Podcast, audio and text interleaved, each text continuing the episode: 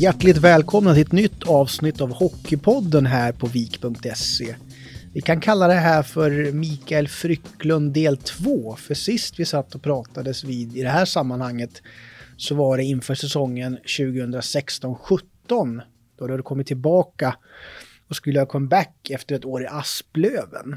Om vi backar tillbaka inför den säsongen, hur, hur var känslan då? Eh, ja, alltså först och främst så hade jag ju, jag hade nog varit här tre eller fyra år eh, på seniorsammanhang och jag kände väl att eh, eh, sportchefen då, då, Niklas Johansson, han sa ju ganska liksom rakt och ärligt att eh, det kan vara bra för dig att liksom få en lite större roll och ett, en annan miljö liksom. Du har varit här så pass länge och eh, jag kände väl liksom att ja, det kan vara liksom ett bra steg för jag hade fastnat lite här och eh, då när jag stack iväg, då storsatsade i Västerås. Eh, det var mycket pengar som eh, spenderades och eh, jag tänkte shit, det här är lite för bra för att vara sant kändes det lite som då och de värvade ju mycket även i inför slutspelserien för att nå slutspelserien för de var ju under den och missade ju den då. Eh, och så för mig så var det bra för att sticka iväg eh, men då under tiden där så så slutade det med att det visade sig att siffrorna var ju lite röda och eh, det var ju nästan konkurshotat liksom och eh, rekonstruktionen var ett faktum och då kände jag någonstans att nu kan jag också få en ännu större roll och komma tillbaka och hjälpa Västerås. Eh, så det var ju därför det var lite blandade känslor för det var ju liksom egoistiskt sett positivt för mig alltså hockeyspelaren och hockeymässigt att liksom få vara med och leda gänget och Eh, utveckla mig själv i en större roll här så att eh, sen eh, var jag lite besviken också och ledsen över att det hade blivit så. Jag ville ju inte att det skulle hända liksom med min hemmaklubb att det ska vara nästan att den försvinner så att det var lite så här. Man var lite arg och förbannad att det hade gått så långt, men sen var jag ändå liksom positiv att nu ska vi göra något bra av det här och jag ska vara med och typ leda gänget då så att Eh, lite blandade känslor. Men vad var det då som gick fel den säsongen när ni hamnade i kvalserien och sedermera åkte ur, tror du? Eh, alltså egentligen det här klassiska att man måste ju få ihop det som lag och eh, ledarstab liksom. Få ihop det hela gruppen och dra åt samma håll och eh, någonstans så eh, fick vi kämpa hela året. Vi var ju liksom knappt ovanför kvalstreck utan vi var det någon gång ibland och det var tufft eh, mentalt för alla kommer jag ihåg och Eh, Eh, alla som spelar här vet ju också att det är stor press liksom eh, ut, utåt sett från fans och sponsorer så att jag tror att det var många som inte riktigt var vana vid det i laget. Eh, och jag upplever också att liksom det var inte bara spelare som var stressade utan ledarna. Det var mycket liksom på alla. så därför var det en väldigt jobbig tid och sen någonstans tror jag vi började kvalen då ganska bra.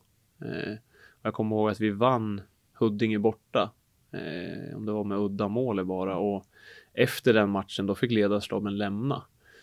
Och det var ju också lite så här att jaha, vi har ändå startat ganska bra. Men nu får de gå. Så att det var ju också lite så här turbulent i kvalet då. För det var ju en smäll först att hamna i kvalserien där uppe i Björklöven, den matchen. Och sen då ja, när ni väl det. kommit igång i kvalserien, då får ni också den här med att Tony Sabel och Christer Olsson lämnar. Det, det kanske varit några smällar för mycket där på det här laget? Ja, alltså framförallt den där smällen i Björklöven tog ju hårt på, alltså många, vi hade ju, vi hade ju kryss där uppe, jag tror det var 2-2 och det räckte ju. Och hade ju ledningen också innan dess. Ja, det hade ju ledningen innan också, för, ja, för den delen också. Men sen så blev det ju då 46 sekunder kvar. Nu kommer jag aldrig glömma den siffran liksom. Eh, och man kommer ihåg det skottet också. Jag kommer ihåg att jag tittade ju från, eh, från båset för och han är ju precis vid, vid, den sidan och man ser hur han ska skjuta högt på första krysset och liksom missa skottet och skjuter mellan benen och liksom och det var ju fullsatt och man, hela taket lyfte ju liksom och någonstans gick ju proppen nu liksom. Ja, det... Men, men sen då att, att det blev då degraderingen där. Jag antar att det inte är så stor tröst för din egen del att du gjorde en bra säsong på, på A-lagsnivå där efter säsongen. Eh, nej, men det var väl liksom Alltså lite sådär äntligen att det har lossnat lite liksom att jag fick äntligen spela mycket powerplay och eh, det är väl någonstans där jag känner liksom att det är mina styrkor och när jag inte spelar i den rollen som jag är bra på, då är jag inte så bra hockeyspelare tycker jag liksom. Så att eh, någonstans så hade jag ändå med mig det och fick lite flera bud. Så att det var liksom så här nu, vill jag fortsätta jobba uppåt då i seriesystem och jag vill ju nå SHL. Det är ju eh, någonting jag verkligen vill. Så att, men sen var det ju ändå blandade känslor. Man funder, eller jag funderade ju ändå på liksom att ska man vara kvar i division 1 eller liksom. Men eh, alla kan väl ändå liksom kanske hålla med om det. Att få en möjlighet att få jobba med hockey och få göra det man älskar på heltid och få betalt för det än att kanske ha ett eh, deltidsjobb och gå ner också i ett seriesystem. Det, det förstår ju alla människor att det kanske inte är någonting som lockar liksom. Nej, för då var det ju först Tingsryd och sen också Modo då. Var det en lite hoppig säsong den året efter där för din del? Jo, nej men det var det. Det var ju, jag kom ju dit och hade ganska mycket press på mig att leverera liksom. Och det var ju lite en ny situation. Eh, och det var väl lite samma där. Vi kommer väl inte, vi klickade väl inte riktigt eh, ordentligt där heller och vi fick ju inte riktigt de vinsterna vi behövde. Och, eh, det var också tight. Vi var mycket i botten där och sen så hände det en rad händelser som ja, blev till slut att eh, det var dags för mig att bryta liksom. Och då kände jag egentligen bara att jag ville fortsätta spela, alltså den säsongen bara för att jag vill, jag vill inte liksom lämna och ha en alldeles för kort säsong och sen så ringde jag Modo och sa att jag ville spela där liksom och avsluta säsongen där och hjälpa dem att eh, nå topp 8 och spela slutspel. Mm. Och sen året efter, det vart det ju ytterligare en comeback då i Västerås mm. IK. Vad låg bakom det beslutet att komma tillbaka när klubben hade tagits upp i Hockeyallsvenskan igen? Nej, men det var väl eh, liksom jag känner ju många här, liksom alla spelare som var med på den resan och någonstans så, så pratade man ju med dem under säsongen i, i ettan liksom och man sa ju liksom att lös det här nu, liksom fortsätt och man stöttade ju dem under hela resan och jag kommer ihåg jag var, var i klacken på bortamatchen henne i Borlänge och heja och liksom, nej men jag tyckte liksom att det det är ju ändå liksom min hemmastad och någonstans så vill jag ändå att Västerås ska egentligen spela i SHL då, men eh, så att eh, när de kom upp igen så var det ju naturligt liksom. Eh, för att jag var väl inte, eh, helt ärligt, en SHL-spelare. Jag var inte tillräckligt bra då för att spela där och jag, fick jag välja så skulle jag då vilja fortsätta i Allsvenskan och helst med Västerås. Så att när den möjligheten dök upp så var det inte så mycket att fundera på. Och då kan man väl kalla det för succé då, 43 poäng på 50 matcher säsongen 18-19 där. Vilka spelade du med då? Vad, vad hade du för omgivning? Eh, det var lite olika, men jag skulle säga sen när jag och Sebastian Benker hittade varandra så var det som proppen nu liksom. Eh, han hade väl också det lite tufft de första 10-15 matcherna hade vi, det, det flöt inte på riktigt sådär. Men när vi hittade varandra så, eh, så bara flöt det på liksom. Så jag skulle säga att han var ju en väldigt stor del till att det gick bra för mig också. Att det gick bra för han så vi hade bra kemi. Men man kan ju också säga att det var en säsong där väldigt många spelare fick en otrolig utveckling för det var kanske inte ett namnstarkt lag som gjorde den här säsongen och kom trea i serien utan det var ju väldigt många som slog personligt rekord. Vad låg bakom det tror du? Ja men just att vi spelade väl utan förväntningar för att det var ju liksom så här håll er bara kvar nu. Det var ju liksom inga krav utåt sett och många kände väl att det här kan vi verkligen slå i, i underläge och sen eh, en stor del är ju ledarstaben med, med och även Zäta som sportchef liksom med pannan att de eh, hade gjort ett bra jobb innan liksom så de hade ju någonting att bygga vidare på en bra jag tänkte säga affärsmodell men en bra ett bra liksom eh, spelmodell. Eh, ja, spelmodell och även framförallt eh, hur man leder ett lag och hur eh, hur viktig människan är i den processen också liksom. Du fick ju prova på Thomas om en väldigt kort tid i kvalserien där. Men var det stor skillnad på den Thomas som tog över laget där och den som du hade den säsongen då, hela säsongen? Nej, jag tyckte Thomas var sig själv i kvalen, men eh, ärligt sagt så hade han ju för lite tid för att liksom jobba med oss i ett kval, utan eh, det var bra att han liksom, han gjorde sitt bästa där, men det var liksom vi var ju så pass stukade då så att andra gången då kunde vi jobba i lugn och ro där under sommaren och få ihop gruppen och sådär. Men det gick ju inte hela vägen fram. Det vart en liten fadäs mot Leksand i slutet där som ställde till det för det för att kunna ta steget upp eller till i alla fall till kvalspelet. Då. Men för din del så fick du ändå chansen i SHL med Linköping. Mm. Hur var den tiden där i LHC? Eh, ja, men väldigt lärorik skulle jag säga. Den var jättejobbig eh, på väldigt många plan. Alltså framförallt var det jobbigt även på sidan om. Eh, jag gick igenom en eh, separation eh, så att det var väldigt mycket. Det var hockeyn som var jobbig och så var det jobbigt hemma. Så att jag var, hade liksom ingen riktigt plats där jag kände frid eh, i, i, kroppen. Så att eh, eh sen, ja, jag hamnade väl inte i den rollen jag ville heller och då som jag sa innan, jag vill, då är jag väl inte en så jättebra hockeyspelare liksom. Eh, då, man ska göra det man är bra på tycker jag och använda Men du säger att hockeyn är jobbig, vad, vad var det som var jobbigt där nere då? Ja men det här att vara in och ut ur laget tycker jag. Jag kunde komma in, göra en bra match. Sen så gjorde jag en, eh, en ännu bättre match, match två. Och eh, fick liksom nästan, jag var med i artikel, nu, nu är han tillbaka, nu lyfter det, shit. Och det var liksom så här. Sen match tre, då gjorde jag väl en, en halvdan match. Inte jättedålig men inte jättebra. Och sen så fjärde matchen, då var jag på läktaren igen. Eh, så att det var, det var för mycket in och ut. Jag behövde ha lite mer egentligen lugn och ro och eh, få komma in i det liksom. Och där fick du också återse ett tränaransikte du hade haft tio år tidigare. Bert Robertsson och du var ju här i säsongen när han var i Vik och nu fick du honom i, Söd eller i Södertälje, i Linköping. Hur, hur var den relationen där då? Eh, ja, alltså det var väl, skulle jag säga, eh, okej okay, skulle jag säga. Eh, det kanske inte klickade till 100 procent, men eh, jag fick lära mig en del av honom och det får jag ta med mig bara i framtiden. Och nu då att göra en tredje comeback i Västerås. Det har ju varit en ditt tema i karriären att komma tillbaka och få mm. lite nystart i klubben. Vad var det som låg bakom att du kom tillbaka den här gången?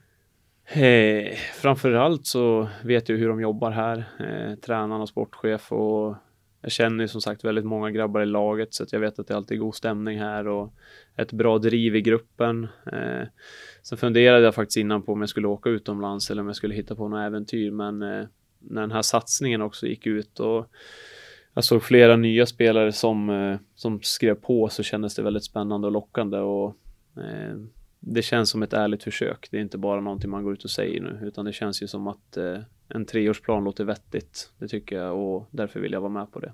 Det var ju mycket snack och spekulationer om att du skulle komma tillbaka redan tidigare när du var i Linköping, utlåningar och så vidare. Men hur pass nära var du där att göra ett gästspel i Västerås redan då? Jo, men det var faktiskt ganska nära. Det var det väl för att jag hade en bra dialog med, med Zäta och han var väl egentligen mer som en vän och frågade hur, liksom han kollade läget, hur jag mådde och hur det gick och han tyckte, han tittade på några matcher och sådär och vi kunde prata om mitt spel, han och jag. Och sen så visste jag liksom alltid att han sa eh, att är det någonting så hör av dig bara och är det så att du funderar på någonting så är du alltid varmt välkommen liksom. Och men någonstans så kände jag väl ändå att nu är jag här och nu kör jag på liksom så får vi se. Om du ska titta på dig själv då, vad är den stora skillnaden på, på den här Mikael Frycklund som fick vara tredje länk mellan eh, Backlund och Berglund till den som kommer hit idag? Då? Vad är de stora skillnaderna, både på och utanför isen? Eh, skulle säga, jag har ju växt som människa, det gör man ju med åldern liksom. Man får lära sig av eh, sina misstag brukar man säga, men det är väl mer erfarenheter och Sen framförallt någonting som jag som har fastnat lite hos mig, det är väl det här att eh, när jag kom upp som junior och hade Joakim Fagervall som eh, tränare, så var han, jag kommer ihåg ett möte jag hade med honom och han sa liksom väldigt frustrerande. Han var liksom så nästan less på mig att varför, varför funkar det liksom inte? Eller vad, vad ska vi göra med dig liksom? För vad, alltså du är ju hur bra som helst. Du har ju alla verktyg liksom. Och jag liksom säger ja, ja, jag vet inte jag vet inte, vad, vad ska vi göra? Det var nästan så här. Och det har jag också fått lära mig att när det är någonting som jag inte riktigt har haft så är det det här mentala. Just den här eh, professionella biten att eh, hantera känslor, motgångar, uppgångar och hela tiden vara i stabilt skick och eh, även att eh, ja, hur ska man förklara det? Eh, Ja, men vara stark mentalt. Alltså det, det får inte vara för mycket upp och ner liksom under en säsong, utan man ska hela tiden bara eh, veta vem man är och inte tappa sig själv. Eh, det är väl någonting jag kände att jag gjorde lite när jag var i Linköping, liksom att eh, jag var kanske en annan människa som jag inte riktigt är och det är någonting jag aldrig mer kommer göra igen. Men att komma in i det här laget då, det är också kanske första gången du kommer in och ska verkligen vara första center, ledaren, står längst fram i ledet och verkligen har den kravbilden på dig. Du kommer från två tröga säsonger i SHL. Är det liksom en, en relevant kravbild på dig att ha? Att du ska vara bäst i laget? Eh, ja, men den kravbilden har jag på mig själv att jag ska ha. Och eh, jag köper resonemanget. Det liksom kommer nog ta lite tid kanske. Eh, Förhoppningsvis inte, men eh, att det liksom ändå för att komma i, trumma igång och få det här offensiva. Men samtidigt så, så känner jag mig trygg i mig själv och eh, jag brukar ha lite så här tillbakablickar, eh, du vet en känsla i kroppen och det kommer jag alltid ihåg när vi, när vi spelade slutspel och det var första tek, det var intro och liksom jag brukar titta på lite videos när man just bara glider fram till den där första tekningen och hur liksom laddad jag var för en tekning. Den liksom, eh, den känslan kan jag liksom bara få lite rysningar av och veta att den kommer snart kanske komma tillbaka igen. Nu får jag en annan flashback apropå laddad på tekning. Du, du, du råkade ju ut för en, en duell med Dustin Joner. Där var det väl 4-0 i tekningar till hans Ja, just det. På, på en skills innan, competition. Ja, innan säsongen där. Ja, så, just det. så det kanske var där det byggdes upp, den där Ja, precis. Frustrerad. Ja. inställningen. Men vad ser du fram emot nu då? Om man tänker blicka framåt med den här säsongen. Vad, vad, har du för, för, för bild framför dig när det kommer till nästa säsong? ja, men dra igång och liksom arbeta. Det är väl det som jag som man egentligen liksom bara väntar på. Eh, det är så jäkla, oj ursäkta, det är så himla kul att liksom eh, få jobba med en grupp och få vara delaktiga i gruppen och vara med och driva den och jag vet att vi har flera andra spelare också som är arbetsvilliga och villiga att ta upp saker och prata om i omklädningsrum och Eh, vi har väldigt högt i tak och det tycker jag är så himla roligt när man har en bra arbetsmiljö. Eh, och sen såklart vill man ju då se resultat i det. Så att, att få se, att få, få jobba mot ett mål, bocka av delmål på vägen och liksom, för det är ju ett maraton det här. Det är ju inte liksom, egentligen, det spelar ingen roll om vi vinner de fem första matcherna utan vi kan lika gärna torska de fem första men ändå vara som bäst på slutet av säsongen. Så att eh, processen och resan dit och sen att eh, kunna få uppnå sina mål i slutet på säsongen, det är någonting som jag verkligen ser fram emot. Jimmy Jansson är redan utsedd till lagkapten, men vilka andra ledarfigurer skulle du säga finns där nere i gruppen redan nu?